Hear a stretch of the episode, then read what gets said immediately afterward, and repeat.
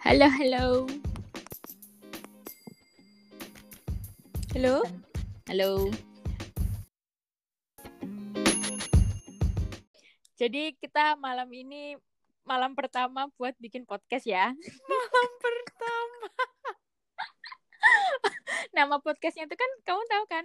Bacus OT on talk gitu kan. Iya, Nah, sebenarnya itu namanya itu nggak sengaja. Jadi itu tadi kita mikir Bacus itu kan kene kayak anak ala gitu, bagus Jusnul, lono kan.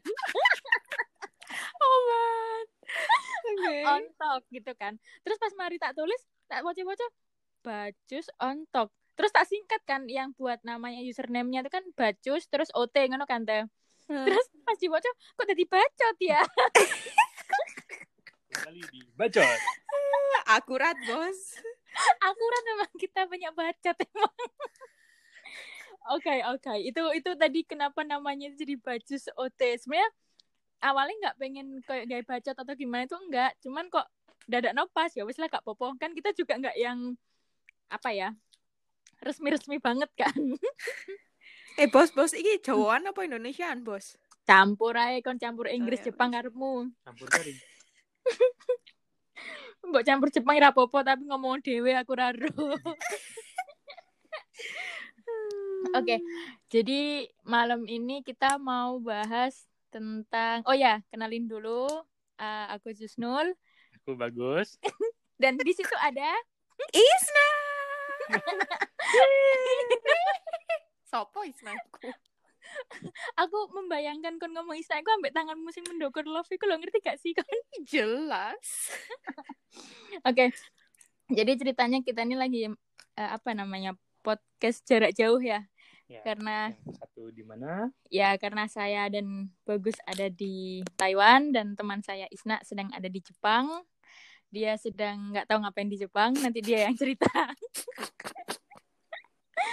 Oke. Jadi ini Isna ini teman temanku, temanku ding, temanku S1 dulu waktu masih kuliah di Surabaya. Dia ya teman se apa namanya seangkatan, sehimpunan, se sesemuanya lah ambil Isna dan kemudian Isna melanjutkan sekolahnya lagi di Jepang. Nah, ini kita pengen berbagi pengalaman sebenarnya. Kenapa kok pertama kenapa kok Isna itu pilih Jepang?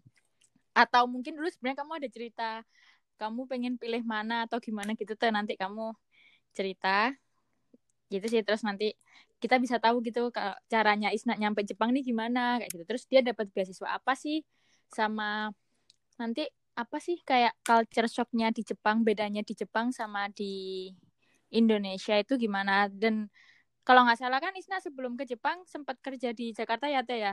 Yuk. Nah, jadi dia bisa memberikan membuka Tato-tato aja. oh iya manggilnya tante. Oh, Anda enak banget ya makan kuaci terus. iya. Oke, langsung tuh. Kamu yang kamu kenalin diri dulu lah. Eh, pff, aduh.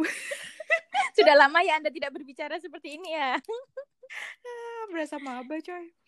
Um, Gak usah formal-formal. ya, ya, ya. Um, halo, Iya. saya Isna. Eh, se- kasih outline, Bos. Saya tuh tak bisa. Gak iso aku. Loh, kasih outline, sudah. kasih outline. Oh ya. Ya udah jadi jadi kayak interview aja ya. Iya, iya, betul. Kayak- Betul. ya. Oke, tadi kan dari tadi aku udah ngomong Isna Isna. Ya namanya dia Isna, nama lengkapnya Rodiatul Isna ini, bener nggak tuh? Betul. Benar. Dan dia dulu asli mana tuh? Saya dari Malang, kemudian Hmm. hijrah ke Surabaya. Kemudian Setelah setelah lulus saya galau mau ngapain. simpel sekali, umum sekali ya. Terus maunya sekolah, tapi karena satu dan lain hal harus kerja dulu di Jakarta. Setelah itu baru bisa kembali on track di akademik dunia akademis. Akademik what? ya, ngono lah. Ya oke lah. Ya, sekarang di Jepang. Jepangnya di mana tuh? Osaka. Hmm. Kalau boleh tahu Osaka itu mungkin kan teman-teman masih gak ngerti nih Osaka itu mananya Jepang atau Jepang itu ada berapa bagian dan kawan-kawan gitu. Waduh. Ngene ngene. Geografi. Jadi Bukan maksudnya secara umum aja, nggak usah nggak usah sampai ininya kaltulistiwanya diomongin. Hei, provinsi Indonesia ada berapa ya? Aku sampai saat ini saya bingung coy. Tadi coy. Nggak ono sing kelelep tau wingi tadi gak usah dihitung mana lah. Aduh. Em, Osaka itu sebenarnya bukan kota terbesar kedua ya. Secara secara ekonomi. Lah gak salah yo. Mm-mm. Tapi secara ekonomi. kayaknya secara ekonomi bukan yang terbesar kedua deh. Soalnya masih aku lupa secara ekonomi atau populasi. Mm-mm. Tapi setelah lah gak salah yo, setelah Tokyo itu ada Nagoya, ada kota-kota lain baru Osaka ngono. Cuma apa ya, secara lek aku sih kalau misal di kepala aku yo, iki aku aku soto ya Di kepala Mhm. aku kalau misal mau membandingkan antara kota di kota-kota besar di Indonesia dan kota besar di Jepang, jadi Tokyo itu ibarat Jakarta kan. Mm-mm. Kayak apa hotspot pusat ekonomi ibu kota ngono-ngono kan Mm-mm. sesak ngono. Em, kalau Osaka di kepalaku itu kayak Surabaya, orang-orangnya juga yo yo ngono pisan ngono loh. Orang-orang Jepang kan Hmm. secara secara general itu emang orang-orangnya tuh pendiam, sopan baik hati ngono yo. Nah, kalau di Jepang Oke. sendiri stereotip dari Osaka dari daerah Kansai, Osaka di Kansai ya BTW. Itu Uh-uh. orang-orangnya kayak nggak teli, nggak teli apa ya? kayak kasar Terus loh. maksudmu wong Surabaya nggak teli ngono? Enggak, kasar, kasar, kasar. Kasar. Oh. Surabaya lah, lah, cok, apa cok, ngono kan. Oke oke siap bener. Nah, Terus, terus. Terus kota-kota kota yang lumayan terkenal lagi itu Kyoto. Kalau di kepalaku tuh Kyoto pusat pusat budaya, terus banyak apa sih shrine, temple ngono-ngono lah. Jadi aku koyo Mhm. Yogyakarta ngono di kepalaku. Jadi ya Hmm. Osaka itu orang biasanya kalau ke Jepang, turis-turis itu mainnya jalurnya itu dari Tokyo ke Osaka ke Kyoto. Terus Osaka itu Hmm. sendiri juga banyak ini loh, banyak tempat tem- eh, banyak kota-kota di di sekitarnya yang lumayan terkenal ngono. Selain Kyoto ada Nara, ada Kobe. Ya ngono lah. Oh tahu tahu aku. Ya. Mm-mm. Jadi ya ngono, itulah Osaka. Ini kota Oh, besar. berarti- Saya bahagia di sini. Berarti ku, kamu kuliah di Osaka, Osaka University ya? Ah, ah. Eh, jurusan apa di sana teh? Ah, Enggak, aku nggak nanya risetmu kok, cuma nanya jurusannya iya, aja. wes wes menghela nafas. Jurusanku ini, kalau mau di translate Mm-mm. teknik perkapalan, no no no, nek bahasa Inggris iku yo, aku lali nek bahasa Jepangnya apa, tapi nek bahasa Inggris iku naval architecture and ocean engineering. Jadi apa? Arsitektur Ah. kapal dan Ha-ha, ha. teknik lautan. Lautan. Iya. Oh. Gitu. Jadi Iya. Kamu eh, cukup cukup melenceng ya dengan S1 kita? Iya nggak sih? Urip KTP mana? Aku Iya, kan bener Jepang sih. aja melenceng. Sudah. nanti nanti itu berikutnya berikutnya ya. Iya, iya. Oke. Terus berarti emang sebenarnya dari awal kamu dulu memutuskan pengen kuliah itu langsung kepengen ke Jepang itu atau banyak masih kayak apa ya sebelumnya eh, eh, pengen ke mana dulu atau gimana gitu Ah, Mbak Cus pura-pura nggak tahu. loh kan saya tahu cuman kan ini posnya orang lain nggak tahu Anda diem saja Anda ngapain di sini iya, Mas Bagus ini apa? kuaci. Makan kuaci ya sih. Nih. jadi dulu itu sebenarnya aku tuh nggak nggak ngeset goalku di Asia ya.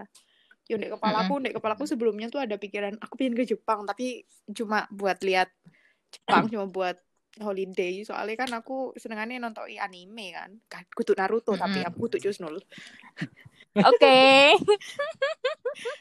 Tapi nggak Terus? nggak nggak berpikir untuk kuliah di sini ngono loh. Pintas Mm-mm. terpikir sih cuma kayak nggak aku mau ngeset aku mau ngeset yang jauh. Soalnya aku tuh apa ya di kepala aku tuh aku tuh jenuh gitu loh sama Asia aku mau sesuatu yang kontras Sama Asia? banget eh, sama Asia Hmm. aku mau sesuatu yang ya walaupun Jepang negara maju ya bu tapi saya Asia ngono loh masih Mm-mm. banyak hal yang Iya. yang mirip apalagi dengan culture-nya masih mirip lah Iya, eh, masih masih gampang gitu loh adaptasi. Apalagi dengan Hmm. em, norma-norma yang pegang lumayan beda sama orang-orang normal di Indonesia ya. Soalnya aku kan rada Iya. rada gendeng kan. iya iya iya Kontroversial. Anyway, jadi sebenarnya Oke. dulu itu aku pengennya itu di Eropa klasik. Iya. Jadi em, waktu aku aku tuh lulus S1 2016 kan. Jadi dulu itu itu Mm-mm. kayaknya baru tahun-tahun awal LPDP buka deh. Soalnya tapi pas tahunku aku lulus aku daftar itu itu wes mulai di wes mulai lebih susah gitu loh prosesnya. Soalnya yang aku dengar ya, aku Mm-mm. nggak ngerti itu bener apa enggak. Sebelumnya itu prosesnya itu lebih tidak susah dari ketika aku daftar. Let's put it that way. Mm-mm. Dan koyo eh aku dewe, aku dewe ya sik nyampah sih biyen koyo ya ngono lah. Mm-mm. Yo tak pikir-pikir, aku pikir-pikir lagi itu kayaknya ya aku belum belum ya tepat aja, tepat aja keputusan alam semesta aku nggak nggak keterima LPDP untuk ke Eropa. Jadi terus Mm-mm. aku sempet trial error dua kali LPDP ketolak kan? Eh enggak enggak, enggak. eh Mm-mm. iya iya dua kali aku daftar tuh ketolak. Yang pertama Itu oh ya. LPDP tujuannya itu waktu itu aku dapat LOA di TU Delft. Cuk, aku sih TU Delft di TU Delft itu di Belanda. Tepatnya Heeh. bucinku. What? Anyway, BTW nanti kita share loh ya ini ya. Di TU Delft Oke, nggak apa-apa. Iya nggak apa-apa. Mm-mm. TU Delft tuh di Belanda. Sama aku ada dari Chalmers, Chalmers. Aku gak ngerti apa cara ngomongnya. Itu di Swedia. Sampai aku dapat satu itu di mana sih? Se- UK itu kan ada beberapa ini ya, ada Great Britain sama Northern Ireland. Satunya apa lagi, coy? Eh, Scotland? Scot- eh, sama Skotlandia. Nah, Oh. aku dapat satu Heeh. satu lagi di Skotlandia, tapi aku yo ya piye maneh kon masih yo dapat LOA dari kampusnya. Tapi mari ngono tidak ada support finansial yo padha wae ngono kan. Akhirnya Ah. aku soalnya yo ngono lah zaman dulu aku ngerti ya prosesnya LPDP sekarang gimana, tapi zaman dulu itu prosesnya terpisah gitu loh. Jadi kita harus ngurus sekolah sama ngurus beasiswanya tuh terpisah.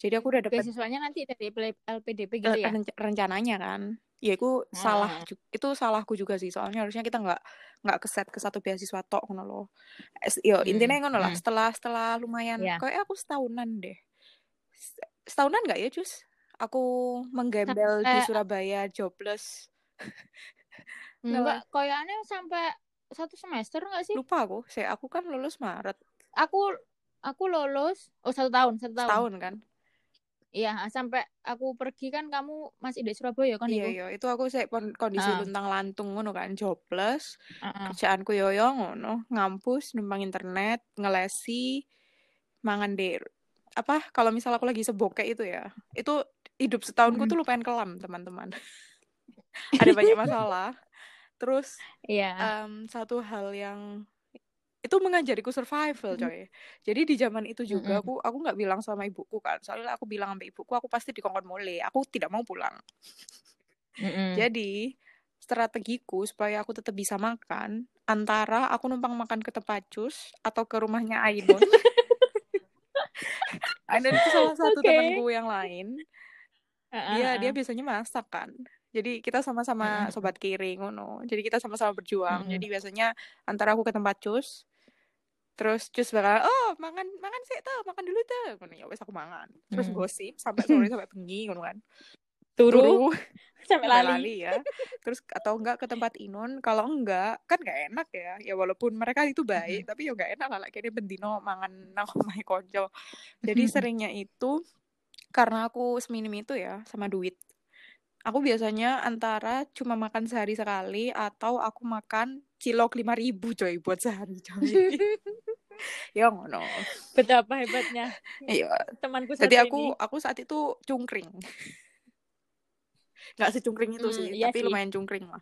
Tapi iya benar sih. Terus habis itu setelah setahunan itu, yo itu aku se saya lagi masa-masa galau ngono sih nggak galau saya kok bingung ngono loh. Aku ini Karena aslinya kate lapo sih apa ya mbak Jusma Heeh. Kalau nggak kalau nggak salah kamu waktu yang setahun terakhir itu kan emang fokusnya fokus bangetnya buat nyari sekolah lagi iya kan ya? iya iya Maksudnya nggak nggak yang untuk merambah ke dunia kerja nggak iya sih? bener bener Eh, Heeh, jadi Jadi iyo terus sebenarnya aku ya sih masih bingung gitu loh aku tuh maunya ngapain mau mau jadi aku apa? mau jadi apa kenapa aku udah lulus aku masih mau jadi bocah gitu kan terus akhirnya Ya padahal sebenarnya literally masih bocah sih. Shut up. Oke. terus akhirnya ya ngono keadaan memaksaku untuk cari kerja ini aku dapat kerja di Jakarta aku keterima itu per bulan Agustus apa ya lali coy Agustus. Enggak, apa coy. coy Eh. Maret Oh iya, eh aku ya kayaknya setelah aku berangkat nggak lama kamu ke Jakarta iya iya beberapa beberapa hari setelah om berangkat deh kok Oh berarti Maret. Aku berangkat Iya. Februari. Ini enggak Februari akhir Maret lah kamu berangkat. Iya, iya ngono lah. Pokoknya beberapa Nah. lama setelah cus berangkat itu aku dapat kerja. Terus akhirnya aku ke Jakarta. Nah, di situ coy. Aku mendapat lagi-lagi iki cobaan hidup. Gak cobaan hidup sih. Gak cobaan hidup sih. Ya aku aku aku senang sama kerjaanku. Kerjaanku nggak di bidang engineering ya. Tapi kayak aku aku Mm-mm. banyak di deploy ke mana-mana ngono loh.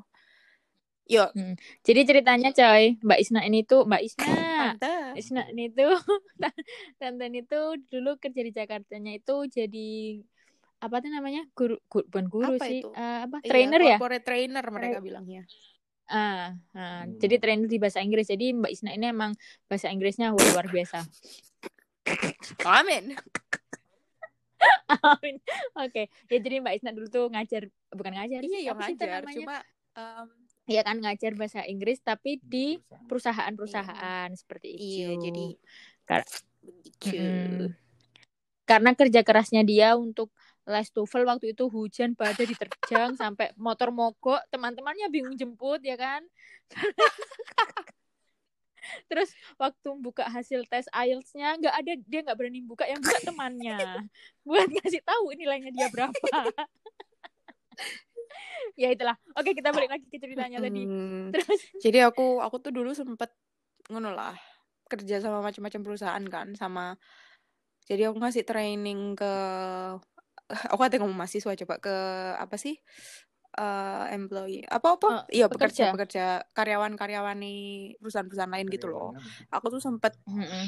di deploy sama ke karyawan aku aku boleh sebut merek tidak ini atau harus di ah silahkan Oke. bebas Jadi kayaknya. sempet sama BUMN BUMN, sempet sama kayak Pertamina, terus Geodipa tuh BUMN nggak ya? Kok sih BUMN?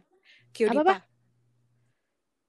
Itu pembangkit listrik Ya. tapi geothermal. Kayaknya dulu sempet gabung sama Pertamina Mungkin- terus lepas deh di Ciwidey. Oh, mungkin Iya, terus aku sempet sama Ah. JNE, sempet sama Ministry ngono. Aku tidak mau sebut merek sama yang ini, ah, soalnya aku sensi. Kementerian oke. Indonesia. Salah satu Kementerian Indonesia, terus eh, apa lagi? Ah. Lupa. Sama beberapa Ya perusahaan udah, itulah swasta. Nah, iya di situ saya tuh ngeh, coy. Kalau saya, saya tuh suka bacot bersama manusia lain, tapi saya tuh tidak Hmm. punya kesabaran untuk menghandle manusia-manusia lain di dunia kerja dan bisnis. Iya, Hmm. dan apalagi mulutku ini tidak berfilter. Harus dipasang filter dulu Iya. kayaknya emang ya. Yo, yo asik sih. Apalagi ketika di situ kan aku bukan yang mar- marketing gitu loh. Jadi aku nggak perlu yang sok-sok manis sama baby. Tapi ada beberapa kali, ada beberapa situasi yang aku harus harus tegas ngono loh. Dan Ah, kayak ah. apa sih? Aku ku males ngono loh ngomong ambek lobbying lobbying gitu. Kalau mau mau mu A bilang A, kak yo kak yo yo yo ngono loh. Lah, Apa sih ngomong ribet ngono kan. Jadi aku saya Ya. sadar bahwa saya tuh tidak cocok bekerja di dunia industri. Hmm. Akhirnya, soalnya ini dulu yang ada di pikiranku juga ketika masuk ke dunia akademik, ya apa realistis lah. Masuk ke dunia akademik, fulusnya tuh terbatas ngono loh. Pendapatannya Iya, ya. Untuk Indonesia. di Indonesia. Di terutama. Indonesia. Untuk Tapi bahkan di negara-negara Hmm. lain juga ketika dibandingkan dengan bidang-bidang industri ngono-ngono ya ya tetap baseline baseline-nya tuh rendah Iya gitu sih. loh. Ya tapi ya tapi gak, Ah, gak ah, sing, sengsoro-sengsoro amat ngono loh gak kayak di Indonesia. Mm-mm. Ya gitu ya, ya oke. Kok kita jadi kayak nyinyirin Indonesia ya? Tapi memang iya sih. Udah lanjutkan aja. tidak tidak nyinyir kenyataan. iya kan? Iya, benar Jadi tapi saya sad- aku aku sadar gitu loh. Aku tuh lebih cocok kerja yang bisa lebih banyak individual tanpa bergantung sama orang gitu loh. Ya di dunia akademik sih pasti Mm-mm. ada ketergantungan sama orang lah ya. Tapi kita bisa yang manajemen tuh lebih Mm-mm. gampang gitu loh.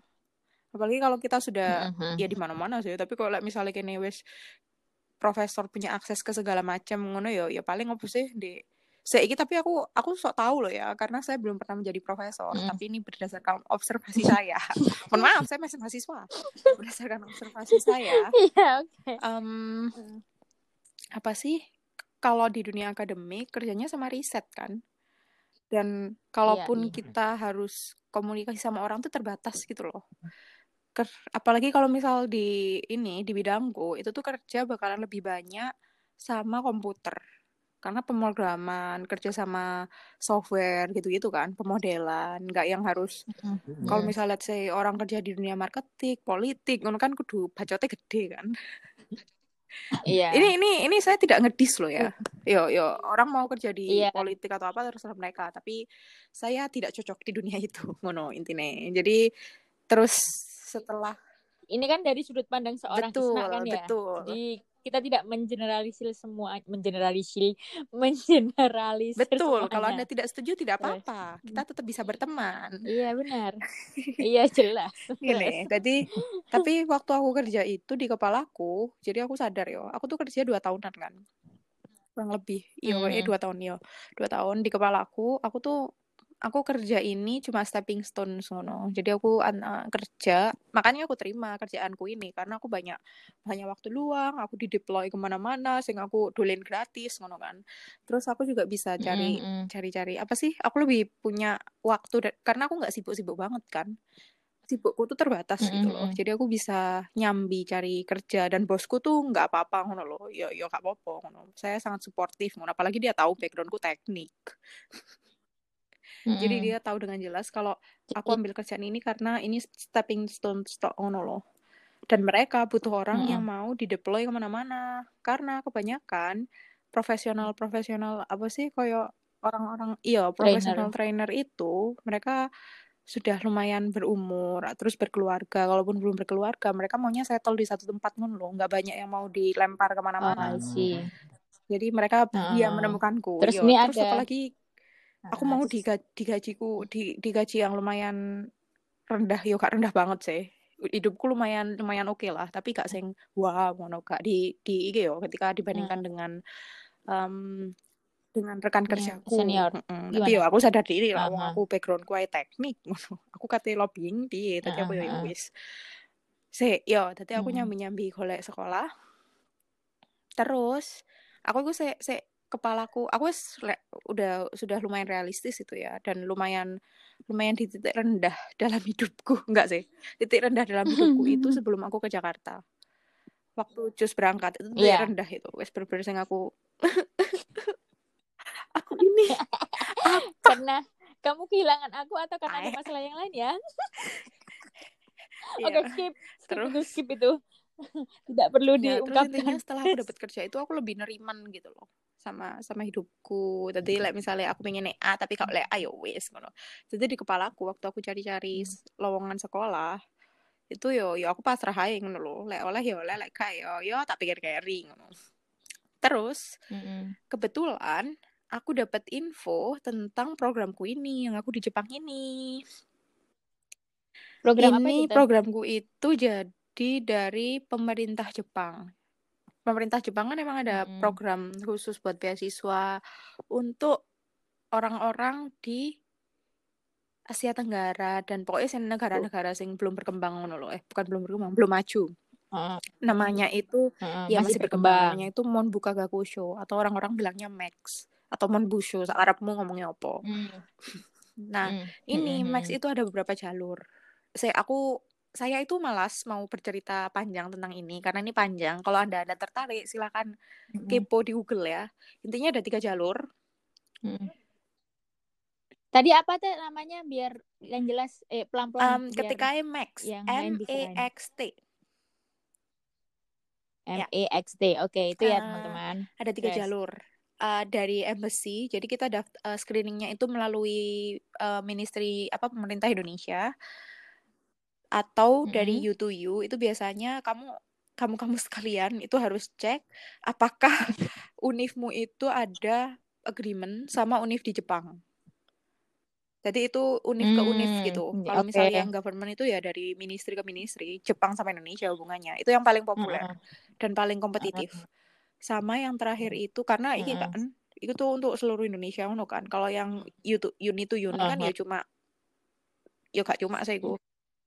Misal misalkan ITS Iya, sama. Osaka Jadi yo gitu ya. kompetisinya antara Hmm. internal tok ngono lho Kak se-Indonesia. Sama yang terakhir ini. Oke. Jadi univ di Jepang itu mereka bu- buka program tersendiri, buka program spesifik yang mereka daftarkan ke Max. Terus nanti Max itu nyekrining Mm-mm. lolos apa enggak. Terus mereka promosi sendiri, mahasiswanya itu langsung daftar ke em, sesuai sama spesifik Iya, langsung daftar ke univnya sesuai sama prosedur yang ada ngono lho. Dan iki lumayan susah carinya karena Oke. emang harus obrak-abrik website univ gitu loh. Kebetulan Mm-mm. Oh, jadi dia nyarinya, eh maksudnya max-nya yang dari universitas itu pengumumannya cuma dari universitasnya sendiri. Jadi misalkan dari Osaka sendiri atau dari Iya, itu sendiri spesifik gitu. gitu. loh. Dan itu nggak nggak cuma univ tok ya. Oh. Biasanya malah lebih menjurus ke departemennya, departemennya iya. gitu ya? Jadi emang lebih susah dan lebih harus Oke. obrak-abrik ngono karena tidak populer kan. Mm. Nah, Hmm, iya, hmm. jadi saya dapat Tapi peluangnya, besar. peluangnya lebih besar dibanding yo dari pengalamanku loh yo. Pengalaman tiap orang kan beda. Lek buatku saya Aha. ku kompetisinya lebih gak sekompetitif sing embassy sing Indonesia Indonesia Jepang. Ah. Soalnya nggak banyak orang tahu juga Mm-mm. biasanya. Cuma sekelompok grup tertentu tok. Mm. Sing seniores, yang Mm-mm. seniornya itu sudah di program itu. Jadi mereka ngasih tahu junior-junior mereka gitu. Oh. Nggak sing sak dunyo Ah, ngerti sak dunyo. Alay rek. Si Mas Bagus tuh ngomong oke. belas, Jus. Oh, Enggak, ya wis, mangan pendengar setia ya. kok. Mantap, Bro. Si, terus eh mek guyang-guyang terus aku dengar tentang programku ini di Osaka Univ. Aku saiki iki bakal terdengar sangat simpel tapi aslinya nggak sesimpel itu percayalah. Tapi intinya yo, kalau misal di Jepang rata-rata kamu harus kamu harus dapat profesor dulu gitu loh. Di kasusku, aku itu kirim 30-an Mhm. email ke profesor. Yang balas tuh cuma tiga, coy. Dua penolakan. Sedih kan? ya tapi intinya untungnya itu satu profesor ini kayak tertarik gitu loh. Tertarik buat eh, ngambil aku jadi mahasiswanya. Terus akhirnya ngobrol lebih lanjut, dia setuju. Terus ya ngono. Kirim-kirim berkas. Terus Bi- beasiswanya? beasiswanya ya iyo jadi bea- beasiswanya itu ya wis satu paketnya loh Jus kalau yang program ini Oh. jadi profesor itu Jadi depend iya jadi kalau kamu dapat profesor itu ini loh ya tapi spesifik loh ya kalau aku nama-nama programku itu Iya, itu iya, kan iya. emang khusus buat sebenarnya buat tiga departemen sih sipil per- perkapalan sama satunya itu arsitektur nah aku yang cocok Hmm, sama proyeksi risetku ke depan itu di perkapalan jadi aku obrak-abrik Ah, lagi ah. websitenya perkapalan, cari di labnya, baca-baca Mm-mm. deskripsi labnya, terus lihat list profesornya, Mm. baca-baca paper profesore, terus Mm-mm. ngelamar ngelamar tanda kutip profesornya. Oh no, profesor yang kutuju Mm-mm. iku. Terus dia bilang iya, dia tahu kan tentang program ini pastilah. Soalnya wong iki me- Mm. di Iya, ruang iya. lingkup departemennya dia kan. Jadi dia, oh ya, ya, ya ngobrol-ngobrol, ngobrol-ngobrol, ngopi di Pak Jali. Iya, Ambek ngopi. Oke. Terus. Intinya, intinya, intinya lah setelah ngobrol, em, dia udah oke kan. Terus beberapa prosedur, proses Mm-mm. pro- prosedur kayak kirim berkas, seleksi berkas, wawancara, terus mari ngono em, dapat soal-soal dari profesor-profesor, ngomong garap soal ngono-ngono, akhirnya pengumuman aku diterima. Mm.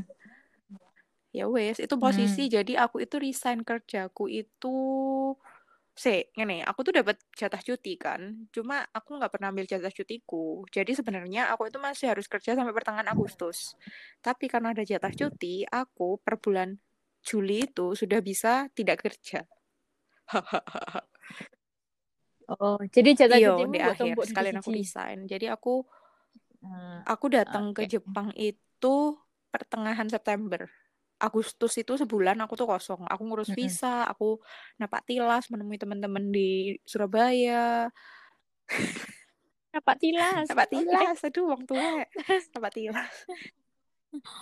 Eh, BTW, bentar deh. Dulu seingatku waktu kamu daftar ke Jepang itu kamu sempat kesulitan di ya ka- kan kamu kan ah, apa sih namanya sing fast track, kudu fast track apa sih? Nek SMP SMA mu iku teh. akselerasi Ah ya, akselerasi. Nah terus kan kalau nggak salah sempat sempat kesusahan Betul. kamu? Kupret itu. Nah itu tuh itu kenapa maksudnya siapa tahu ntar ada teman-teman yang akselerasi juga terus pengen ke Jepang kayak Soalnya di kamu Jepang kan. itu biasanya mereka ada saya aku nggak ngerti yo, tergantung univ lagi-lagi. Tapi di di program yang aku Oh, daftar oke. itu dia ada requirement miss minimal berapa tahun sekolah gitu loh. Jadi aku tuh total berapa tahun tuh? Kan SD 6 Oh. tahun, SMP 2 tahun, SMA 2 tahun, Hmm. kuliahku tiga setengah kan.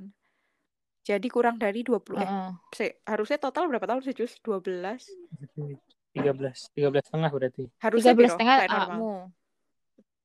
Harusnya 6 songo rolas Nah, iya harusnya 16 tahun 16. kan. 16. Jepang itu maunya aku tuh Nah, eh bukan Jepang, programku itu spesifikasinya itu aku tid eh, umurku Hmm. harus minimal 22 tahun antara 22 sampai 35. Iku aku wes Oh. checklist kan yo. Hmm. Wes Lah, wes kon makanya masih aku 22 ya aku itu. paling suwen sih lah ono Oh umur-umuran iya benar-benar. Aku gak Terus sama itu terus terus. harus em, Terus. sudah di institusi pendidikan eh, selama 16 tahun. Nah, aku kan masalah iku kan. Hmm. Akhirnya sih eh sekolah cur. men. Ya Terus terus. sih. Ya ngono lah. Anyway, akhirnya Enggak enggak. aku nanya ke profesorku kan. Eh profesorku sih yang yang bilang sama aku. Jadi aku tuh nggak nggak nggak Hmm. spesifikasi ke dia ke beliau gitu loh ketika aku daftar. Tapi terus beberapa waktu kemudian setelah aku kirim berkas, profesorku tuh bilang, "Eh, berkasmu nggak bisa di screening soalnya ada persyaratan yang kamu nggak memenuhi. Terus dia nanya tentang sekolahku dan sistem di Indonesia. Terus dia bilang gini, "Em, beliau sudah tanya ke ketua program. Nah, katanya aplikasiku bakal dipertimbangkan kalau misal aku bisa provide dokumen gitu loh. Kalau memang sistem seperti itu Hmm. tuh eh, dan Di itu Indonesia ada gitu itu. loh. Jadi aku selama 13 Oh. setengah tahun, emang Hmm. 12 setengah tahun coy. Ya, 13 setengah tahun itu ekivalen dengan 16 tahun di Indonesia. Karena memang ada maksudnya kayak dari sisi Hmm. yo mental tanda tanya ya. Tapi kayak Iya dari iya. sisi apa yang aku Iya pelajari oke. itu ekivalen gitu loh. Cuma kan kayak di squeeze aja kan. Yo, Heeh. intinya itu itu teratasi setelah Iya. kehektikan ke sana kemari. Soalnya waktu itu aku masih aku lagi di deploy di Karawang. Sekolahku di Malang. Hmm. Eh, Jadi untungnya cukup shout, shout hmm. out to Mbak Kemala, temanku. Iya, Oh iya Mbak Kemala. Eh ya. Oh Kemala waktu itu Mbak Kemala waktu itu di sudah balik. Dia sudah lulus dari dia udah lulus dari ini, Oh. dari dia kuliah di UGM kan. Itu temanku BTW teman-teman. Teman teman pelek SMP SMA. Heeh. Dia habis kuliah di UGM. Iya, teman Malang. Teman Malang. Terus habis itu lulus, terus kerja di Malang sebelum dia lanjut di Malaysia kan. Anyway, ngono. Iya, jadi aku Heeh. bisa provide dokumen akhirnya. Ya wes, terus Oke. keterima di Dan, dan akhirnya Jepang. keterima di Jepang Hmm. Oh no. dengan Iya, beasiswa full ya. Beasiswa full itu Biaya Weh, hidup. Mas Bagus ngomong, coy. ya jangan gitu tuh memang dasarnya orangnya ini nggak secuawak kita. Ya Iya. beda. Aduh. mendengarkan Eh, dengan baik. oke. Nanti dia kalau disuruh ngeresum sekarang bisa tuh teh nggak. Oke kita lanjut lagi aja. Eh, jadi terus setelah jadi keterima di Jepang itu beasiswa full beasiswa SPP dan juga biaya Mm-mm. hidup. Ya kan ya itu untuk program Programnya lima tahun. S2 Betul. oh lima tahun itu S2 S3 ya oke nah sekarang Mbak Isna udah S4 Terus oh biasanya nih kalau anak-anak beasiswa nih pasti nanya itu habis itu ada ikatan kerja nggak Oh, sih Mbak? enggak enggak gitu. enggak. Kalau Ada misal nggak? ini tuh enaknya apa ya? Aku sih ngelihatnya program-program program-program kayak gini tuh politik balas budinya negara-negara maju gitu loh. Jadi kalau misal Hmm, hmm, hmm. iya, kan politik mereka balas sudah budi di masa Hmm. lalu kan ya ngono lah datang ke Indonesia dengan tidak damai Sempat. gitu kan. iya Belanda kan juga punya kan? Hmm, Heeh, hmm. heeh. Nggak cuma Belanda sih. Belanda tuh punya Belanda punya cuman eh, aku kurang paham sih Iya. Ah, oke nanti kita nggak cuma Belanda juga, tapi lain. negara kayak Er- eh, Eropa gitu kan juga punya eh, beasiswa untuk yo yo intinya inilah nggak cuma nggak cuma ini sih nggak cuma politik balas budi sih tapi kayak kalau misal perusahaan itu tuh sama kayak program CSR gitu loh iya charity gitu Iya nggak social sih? responsibility-nya mereka. Hmm. Jadi Yo yo Ah. itu itu bakal masuk Ah, ke ah, topik lain sih, politik iya. dan ikine dunia. Yo Iya. ini ngono. Jadi kalau misal Ah, dari kita terima beasiswa Iya. itu dari Jepang, aku kan caseku kan di iki beasiswa aku kan dari pemerintah Jepang. Itu aku nggak ada ikatan ikatan dinas ngono nggak ono. Hmm. Itu kalau misal dari ini dari Hmm. pemerintah kita ada. Kalau dari Indonesia dari LPDP itu ada. Makanya kayak Oh iya, indah hidupku kan. Jadi mungkin memang alam semesta itu menuntutmu untuk tidak diterima di LPDP karena tahu kalau Anda ya itulah. mungkin mungkin Iya. kurang tepat kalau LPDP sebenarnya gitu loh Seta, maksudnya. eh, ini iki malah Jadi- aku terdengar tidak nasionalis. Aku tuh Apa? bukan bukan tidak nasionalis, teman-teman. Loh, enggak. Bukan. Bukan, Isma itu nasionalis eh, Nasionalisnya tinggi. nasionalisnya tinggi. Cuman nggak kelihatan Ini aja. Enggak, enggak. Gini gini.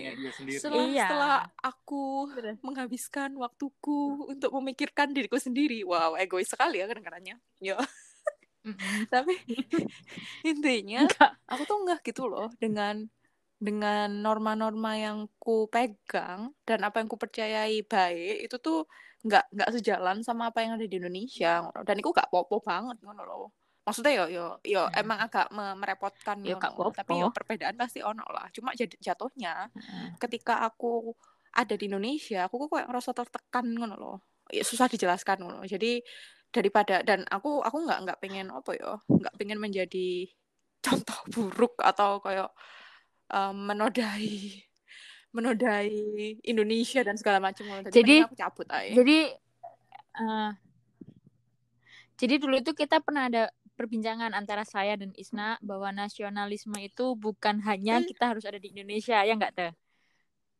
Tapi kita bisa ada di mana aja dan kita bisa bersumbang sih ke Indonesia entah lewat kemarin sih kita sudah mencoba ya dengan yang kita bisa sih ya membantu rakyat yang di sana yang sekiranya membutuhkan ya kita bantu dari jarak jauh gitu kan. Tap, jadi tetap ada lah gitu. Nasionalisme kan bukan cuman masalah kita harus ada di Indonesia dan kita harus apa ya kayak ngomong Iya. kalau aku ini Indonesia gitu kan enggak gitu. Itu sih Iya. perbincangan saya dan Isna kalau yang Iya. lain kurang setuju ya ya monggo. Itu kan namanya juga orang gitu. kan ya. nyelentang Oke, kita lanjut ke yang Jepang. kita lanjut ke Jepang nih. Di Jepang, jadi waktu kamu datang pertama itu em, nyampe Jepang itu langsung, maksudnya ada yang kayak Pas persiapan. eh, kelas persiapannya kah atau ada gimana apa orientasi apa sih perkenalan dari kampus atau gimana? Ini case-nya kita nih di Osaka ya di Iya, karena di- Isna kan kuliahnya di Osaka. Kalau di tempat lain mungkin ada perbedaan ya. Iya. nanti kita cari sumber yang lain. Caseku lebih Kalau spesifik Osaka lagi tuh- ya. Soalnya rata-rata kalau misal kamu itu penerima beasiswa Max, paling enggak enam bulan atau sampai setahun itu harus belajar bahasa Jepang dulu. Cuma ini dan ini case yang sangat jarang di Hmm. kampusku, programku itu full bahasa Inggris gitu loh kelas-kelasnya. Jadi saya datang, Oke. saya tidak ada training. Justru uh, pusing Oke. gini-gini. Jepang itu sangat terstruktur. Ngono kan. Jadi pertama kali Mm-mm. sedangkan anda tidak loh, kayak em, ketika kita saya kan jatuhnya apa imigran ya. Apa Cik? Ya imigran. Iya iya Jadi harus langsung lapor, Iya, bikin mm-mm. KTP, terus ngurusi ngurusi apa sih? Apa jenenge? Sing gawe bayar healthcare itu loh. Ngurusi kartu kal Iya, ngurusi kartu eh, oh asuransi Asuransi BPJS, nasional. BPJS. Karena Mm-mm. saya kan di sini lumayan lama, jatuhnya itu Iya. bukan permanen residen ya, tapi jatuhnya itu iya eh, residen, residen tapi Sementara. bukan bukan yang saya bukan penduduk Jepang. Mereka sih bilangnya Hmm. kartu kartuku itu namanya alien card. oh iya Sama, sama Iya, kok betul. Di Taiwan juga alien. Heeh. kita alien memang Alien Jadi ribet ngurus kayak gitu. Itu Iya. selama dua harian, terus beli beberapa beberapa hal. Soalnya kan ya, saya kan emang agak agak males bawa banyak barang gitu kan. Dan di kepala itu September itu udah iya mulai saya dingin. tahu Saya anak Indonesia, anak Surabaya, coy. Kademen. Kademen Mas, ya. Jangan bilang kamu bawa nggak jaket. itu, jaketnya sing jaket eplek-eplek iku loh. Ya jaket Oh. Indonesia Betul. seberapa tebel sih jaket Indonesia? Iya, nah, akhirnya. Cerdas ya, Mang. Jadi minggu pertama itu ngurus administrasi, administrasinya tuh dari kantor ini kan berawal dari imigrasi sih, mari ngono City Hall, mari ngono ngurusi administrasi di kampus, mari ngono buka bank, wis ngono lah macam-macam ngono. Terus habis itu beli Mm-mm. jaket sama beli setrikaan. Oke, penting banget ya. Iya penting waktu itu. Setrikaannya. Waktu itu penting. Kamu Sekarang bisa wis hidup gak tanpa setrikaan ya? Iya, saya tahu maksud Anda. gitu. Oke. Jadi eh, sama ini sih paling ada Ah. perkenalan dari kampus tapi nggak wajib gitu loh. Heeh. Jadi yo yo Ah, see. Jadi Iya, ya, yang penting itu ngurus administrasi-administrasi yang berkenaan sama kampus sama em, pemerintah Jepang. sama setelah itu per Mm-mm. tanggal 1 Oktober itu tuh saya sudah mulai aktif kuliah. Jadi kayak daftar di apa sih Integra itu apa? Oke. Iya, sistem apa sih? Sistem- Nek enak kalau di di Taiwan sih bilangnya sistem enggak tuh kita ngomongnya iya. ya macam Sistem akademik. Sis- jadi kita kayak apply kuliah mata kuliah Iya, itu lewat iya, iya, tuh, online tuh. Kayak website gitu-gituan website lah. kampus kayak gitu kan Terus kuliah gitu. Oh berarti berarti di case-nya maksudnya di pengalamanmu ini kan di Osaka dan spesifiknya di departemenmu enggak kamu nggak perlu buat kuliah bahasa kan jatuhnya eh bukan Enggak, kuliah enggak. bahasa apa sih Tidak, persiapan persiapan. bahasa ha, kelas persiapan beruntung sekali saya. oke tadi tak pikir kamu belajar bahasa tidak tak tahu ngomong Eh, bahasa Ing- Eh, bahasa tapi Inggris sebelum aku ke Jepang, Jepang, itu tuh aku sempat ambil kelas bahasa Jepang gitu loh. Jadi iparku, iya iparku kan ini, iparku kan Di Indo. kan. Dia itu ada kenalan dulu, beliau itu Ah, sempet apa sih guru bahasa Jepang dari Indonesia di Malang, sempet ke Jepang tiga tahunan gitu. Programnya Max bisa. mm-mm. Terus habis itu pulang ke Indonesia. Jadi dia bahasa Mm-mm. Jepangnya tuh lancar banget gitu loh. Mm-mm. Terus aku ambil kelas sebulan kan. Terus mari ngono aku lagi Mm-mm. di di Malang kelas Di mana privat itu sama dia. So- cuma dia tuh beliau tuh sebenarnya nggak Ah. ngasih kelas eh, apa les-lesan privat. Tapi karena kenal sama masku, jadinya kayak yang lah. Akhirnya dia mau iya, dia mau ngasih ngasih aku les membantu sebulan. Iya, terus aku lupa karena Oke, aku tapi bahasa kamu terus lupa? oke Cuma cuma inget ya wajar sih sebenarnya oh ya seingatku oh oke tadi kan kamu udah masuk kelas eh salah masuk kuliah udah perkuliahannya kurasa seperti di Indonesia juga nggak sih menurutku sih meh sama sih kalau untuk Gitu ya. hmm, di Taiwan Ini ya di sih, Taiwan kelasnya lebih kecil aja sih. untuk di Indonesia S2-nya kan eh kelas S2 di Indonesia juga kecil sih ya nggak sing 40 orang kayak kelas S1 kita iya heeh. iya iya ya paling mirip berarti enggak beda-beda heeh.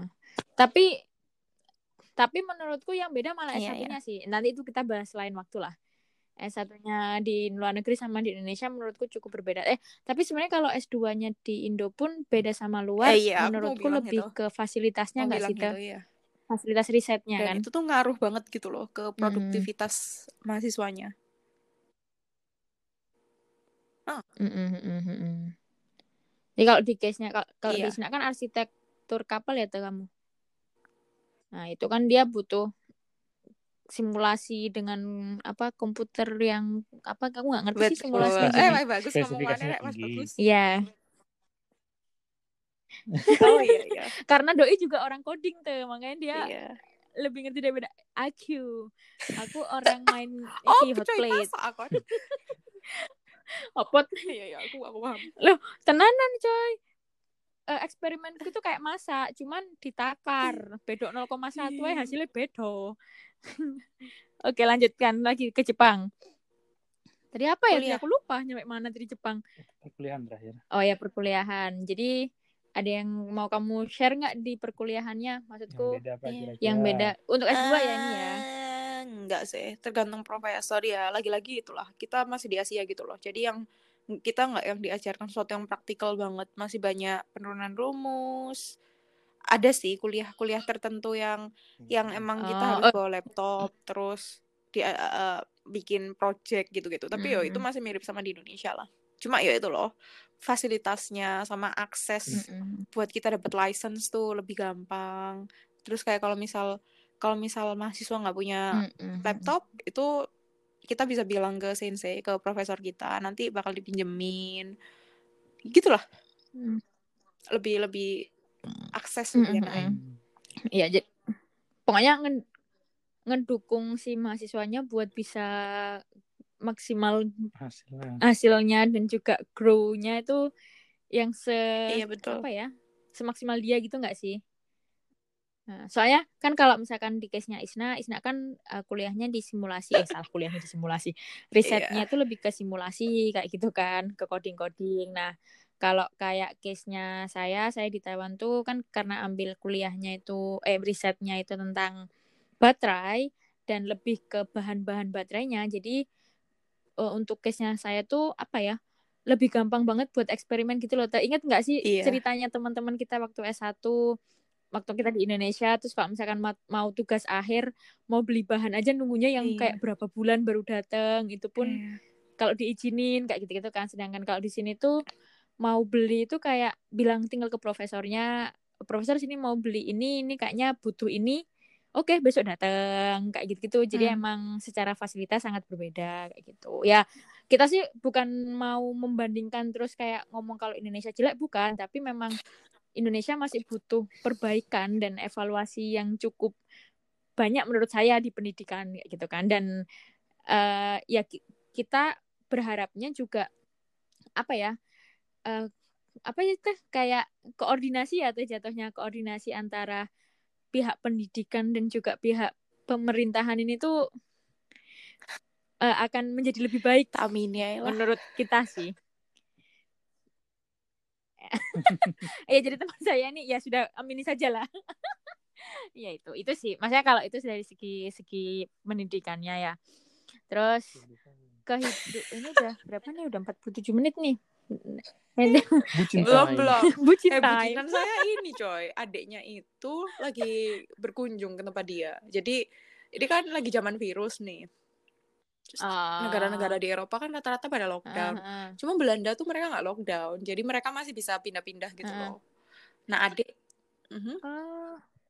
Tapi Belanda apa namanya korban eh korban yang positifnya Iya lah dibandingkan dengan negara Asia banyak itu lumayan juga ya? banyak. Cuma uh, progression case-nya itu nggak nggak sing se Hmm. se eksponensial let's say Spain ngono-ngono loh. Hmm. Lumayan lumayan oke lah cara mereka handle kayaknya Ah, ini sih. ah, ah.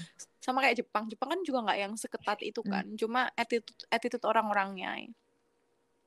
Mm-mm. Oh iya. Oke, tadi Hmm. bahas-bahas masalah virus di Osaka gimana sekarang keadaannya tuh? Libur.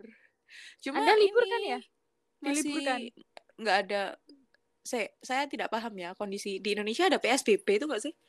Pembatasan sosial berskala besar. Cuma kayaknya Ada nggak ada. nggak Mm-mm, Hmm. nggak se-hardcore Kalau yang di salah sih- negara-negara Eropa Daerah. gitu loh. Jadi kalau misal kamu keluar rumah dapat denda, dendanya paling ngono berapa berapa puluh juta ngono kan. Kalau misal dikonversi ke ini rupiah. Hmm. Tapi ya ngono, di di Jepang masih lumayan slow kok. Hmm. Sebenarnya orang-orang eh, or- komunitas internasional tuh juga lumayan banyak yang mengkritik Jepang gitu loh. Katanya Jepang terlalu lembek, bakalan menjadi the new Italy. Hmm. Tapi yo lek cariku saya semoga enggak. Ini sih Hmm. sudah sudah minggu ketiga Jepang itu bukan soft, mereka bilangnya bukan lockdown tapi national emergency.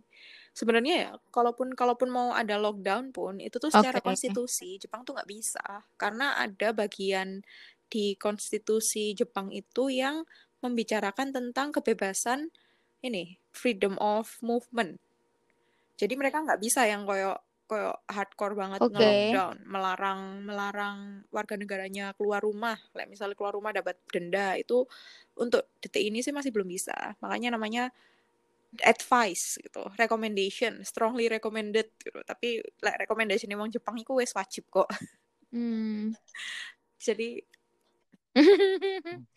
Tapi untuk orang-orang di sana sendiri, maksudku kayak misalkan mereka keluar itu apa mereka mematuhi untuk pakai masker iya atau iya iya, secara general iya. gimana di itu loh sini tuh? ini kok ada nggak ada sebelum sebelum virus ini pun ada itu tuh ya wes normal gitu loh mau pakai masker ke mana-mana.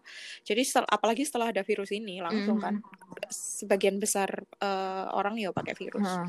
Cuma ya ngono lah. eh pakai pakai masker Eh, pakai virus.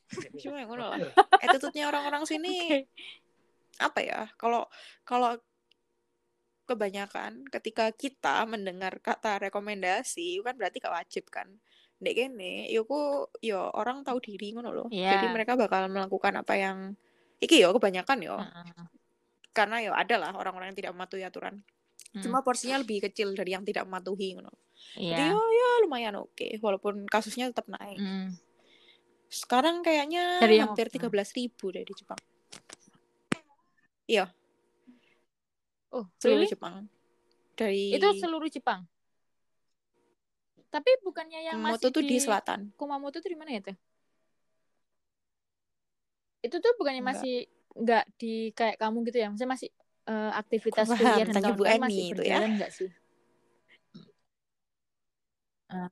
ya saya kemarin Maya aku nengok- Hmm. nanya saya kemarin kan sempat berkabar dengan beliau terus katanya di sana Iya, masih di di sana kayaknya aktivitas masih normal dan kurang dari kawan-kawan 100 gitu. deh. Soalnya prefektur di Jepang kan banyak. Nah, warga negaranya sendiri ada Oh. 127 million juta. Indonesia itu 280 juta. Eh, kurang lebih. dua kali lipat ya? Indonesia dua kali lipat Oh, Jepang. wow. Eh, lebih sih. Oke. Jadi yo di Jepang itu Mhm. manusia wakeh Mm, mm, ngono. mm. Dan Iya, podo Indonesia. dan Menungso wakeh luas tapi permukaan areanya buanan. sendiri itu hampir kayak Pulau Sumatera kan di Jepang. Iya padat.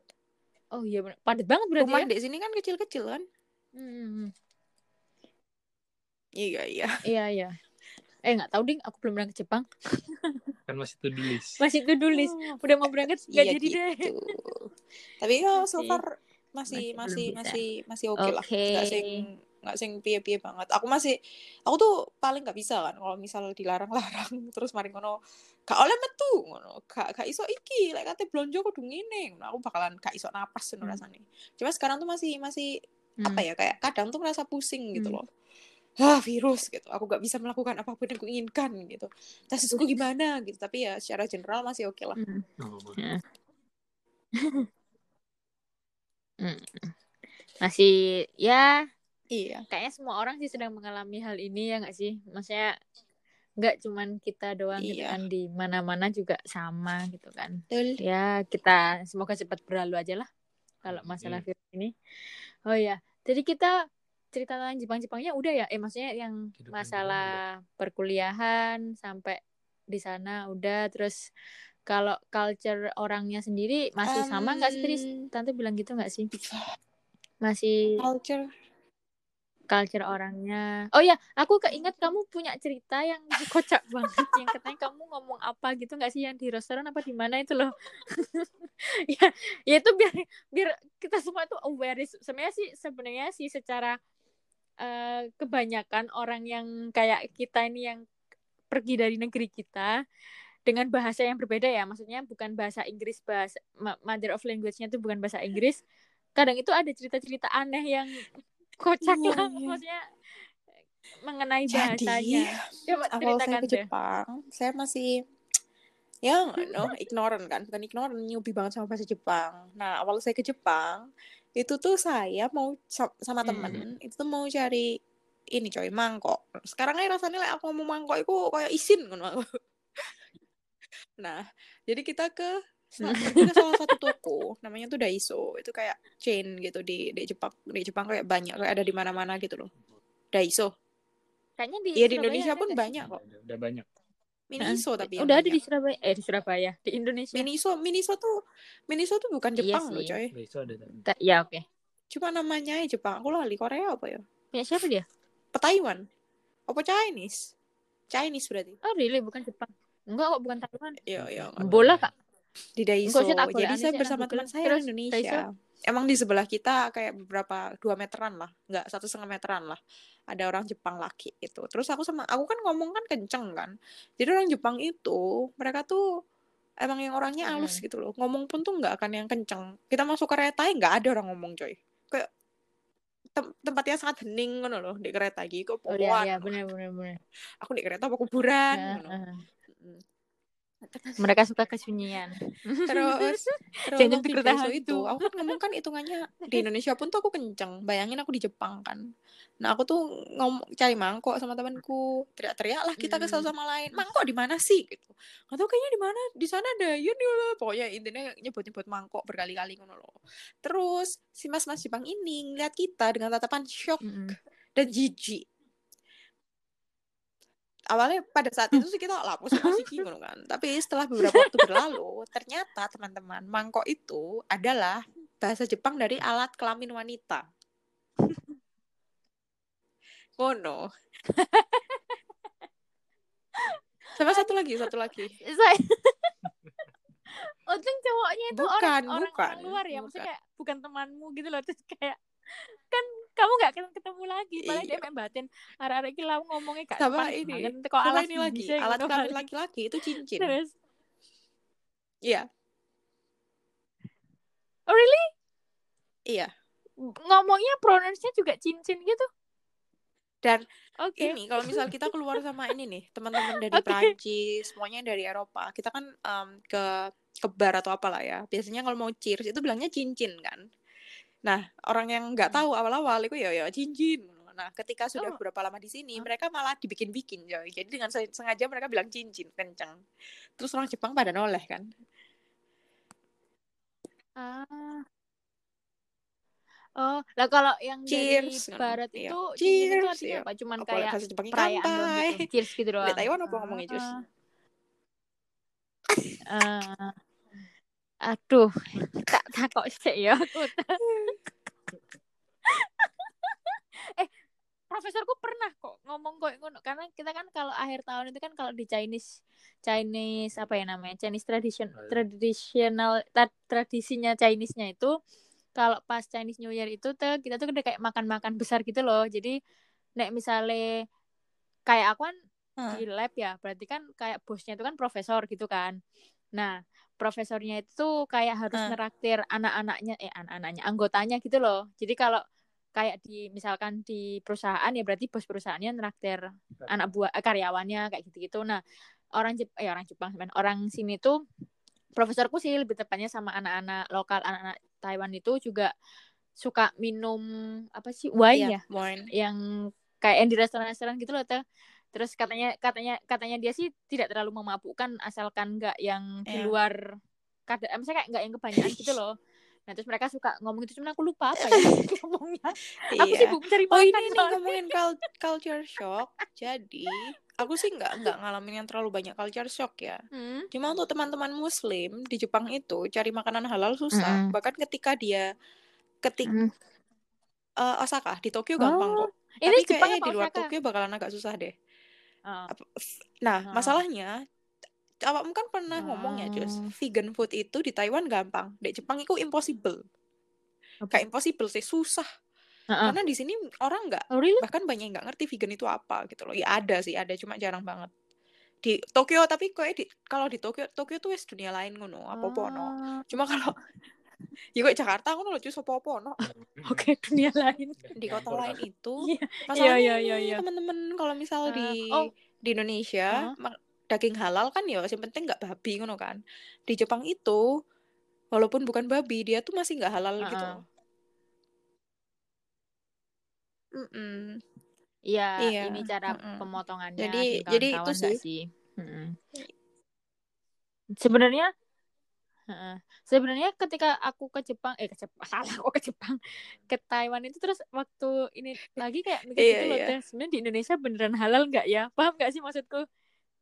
Paham nggak sih kayak gitu? Terus tapi ya, ya sudahlah kan di Indonesia ada yang bertanggung jawab jadi ya. mm-mm.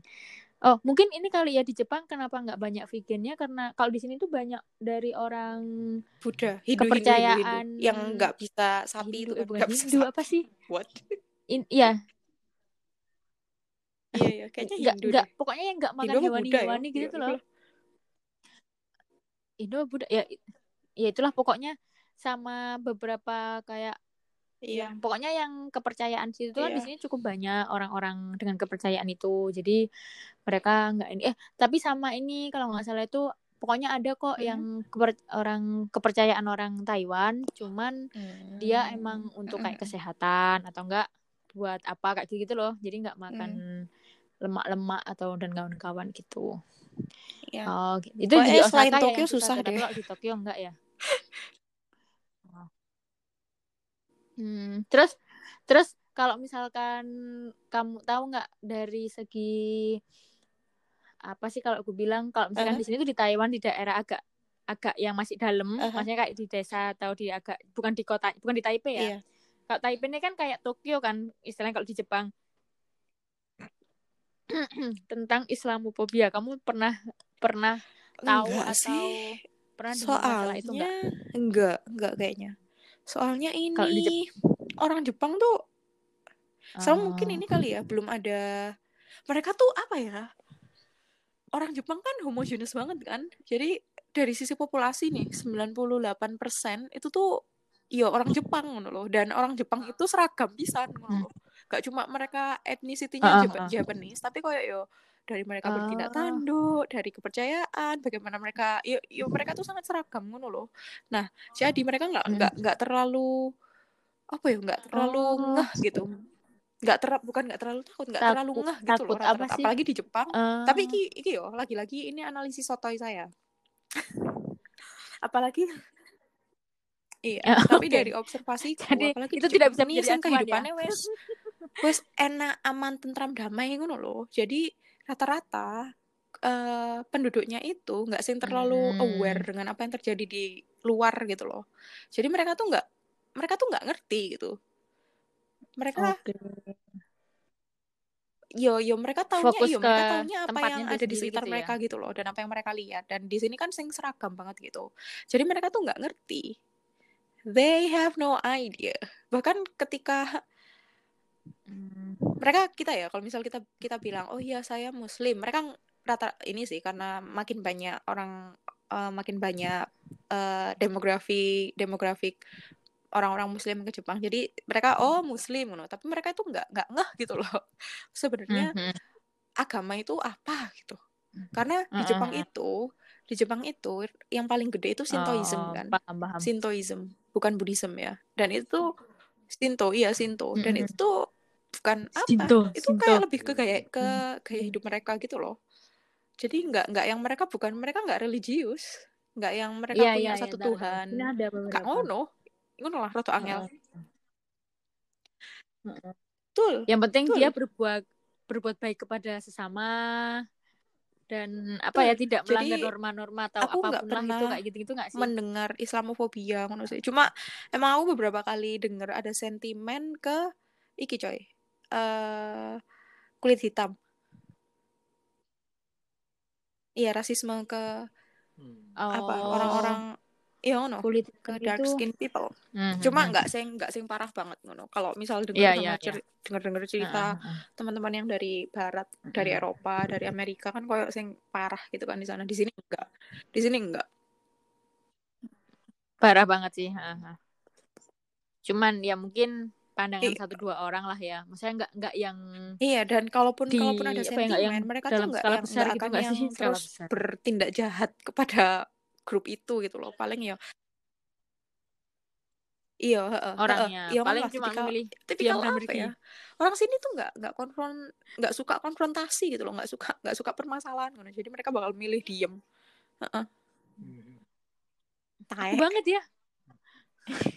Aku Amin, maksudnya diam dan ya? pergi. ngono ngono ngono jadi secara secara garis besar sih saya menikmati hidup di Jepang apalagi Oke, dengan budayanya oke. orang-orang sini yang nggak ngurusan gitu soalnya saya sudah capek dikomentari terus Mm, mm, mm. dek kene uang nggak akan komentar iya kok curhat ya ngono intinya Gak usah curhat ngono. Enggak, aku ada potong apa gak? iya sangat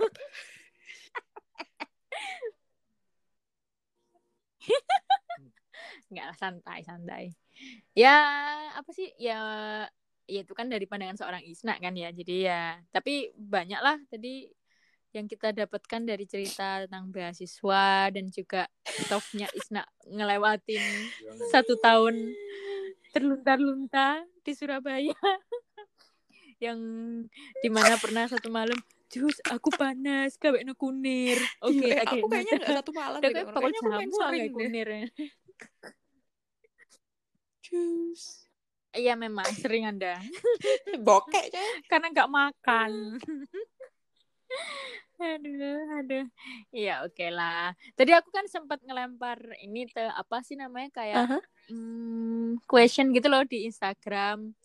Terus aku bikin podcast, kira-kira sarannya apa ya? Eh, bahannya yang mau dibahas gitu kan. Terus beberapa sih ono sing jawabin genah ngono kan kayak nanyain masalah Ah. penanganan corona Ah. di negara-negara selain Indonesia yang kita tahu ya, yang kita tahu itu gimana. Terus eh, kayak manfaat buat sekolah S2, S3 itu apa kayak gitu. Terus sampai sekarang aku masih mikir manfaatnya apa ya. Terus ada yang ngomong ini kejayaan keputih kayak gitu-gitu. Terus aku bingung kan kejayaan keputih ini apa ya? Ntar aku pikir dulu lah. Terus ada yang ngomong, Anda tahu tikus kan?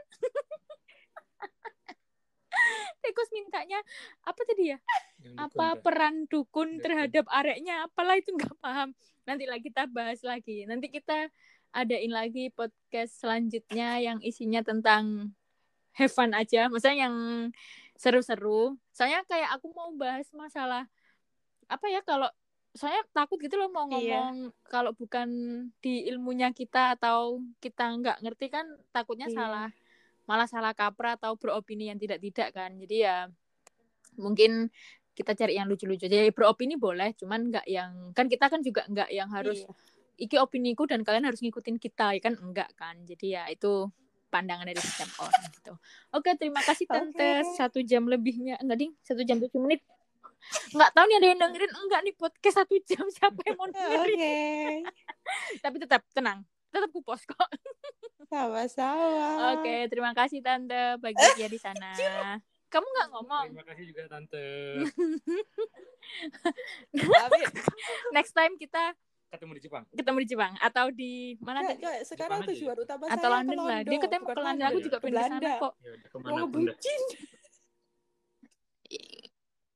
oh ya salah Jasyik terus aku rono lapor nek kon ngebusi eh ngebusin namanya ngebucin ya oke lah gampang nanti kita Oke. next time semoga kita bisa Oke, ketemu dan podcast langsung nggak yang jarak jauh kayak gini. Oke thank you tante